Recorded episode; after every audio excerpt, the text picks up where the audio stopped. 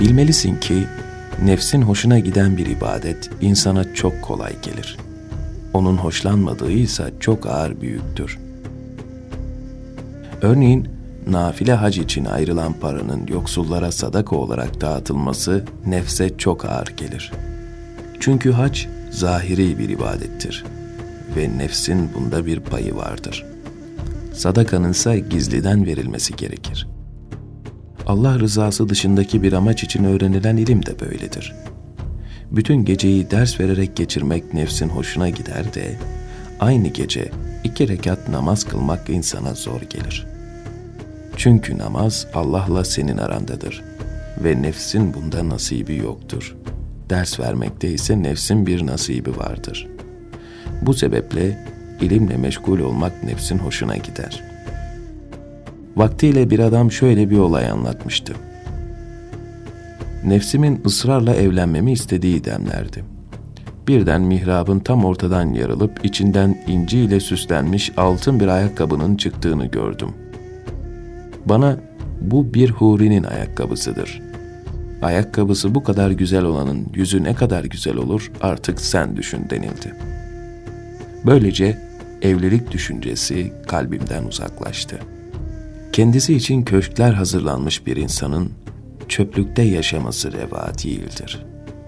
Salih amellerini gizlice eda ile. Ailenin dahi bundan haberi olmasın. Onları Allah katına sakla ki kıyamet günü yanında bulasın.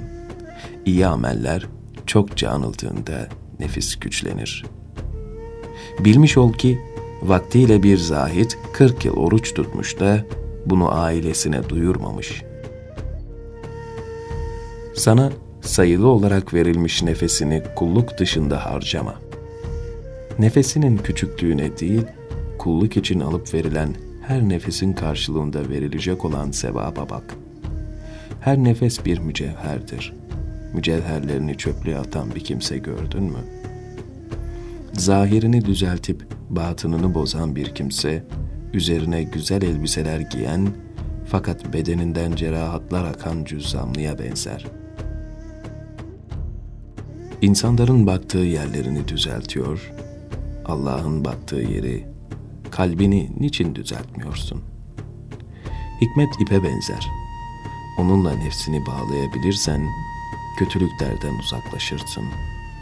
Aksi halde kontrolsüz kalır ve sana zarar verir. Nasıl ki evinde delisi bulunan bir adam onu bağlamazsa, deli evdeki her şeyi kırıp döker, fakat bağlarsa her şey yerli yerinde kalır ve adam da rahat eder. İşte öyle. Ömrün nihayete doğru yaklaşmakta. Öyleyse eksiklerini telafi et. Bak, saçın sakalın ağarmış. Beyaz kir götürmez. Kalp aynaya benzer. Nefis de nefese. Nefis kalp aynasına soruldukça ayna buğulanır. Günahkarın kalbi yaşlı bir kadının güçten düştüğü için iyice temizleyemediği bir ayna gibidir. Arif'in kalbi ise gelin aynasına benzer.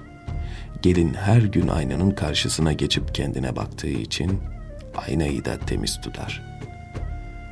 Zahitler çokça amel işlemeye, ariflerse amellerini düzeltmeye çalışır.''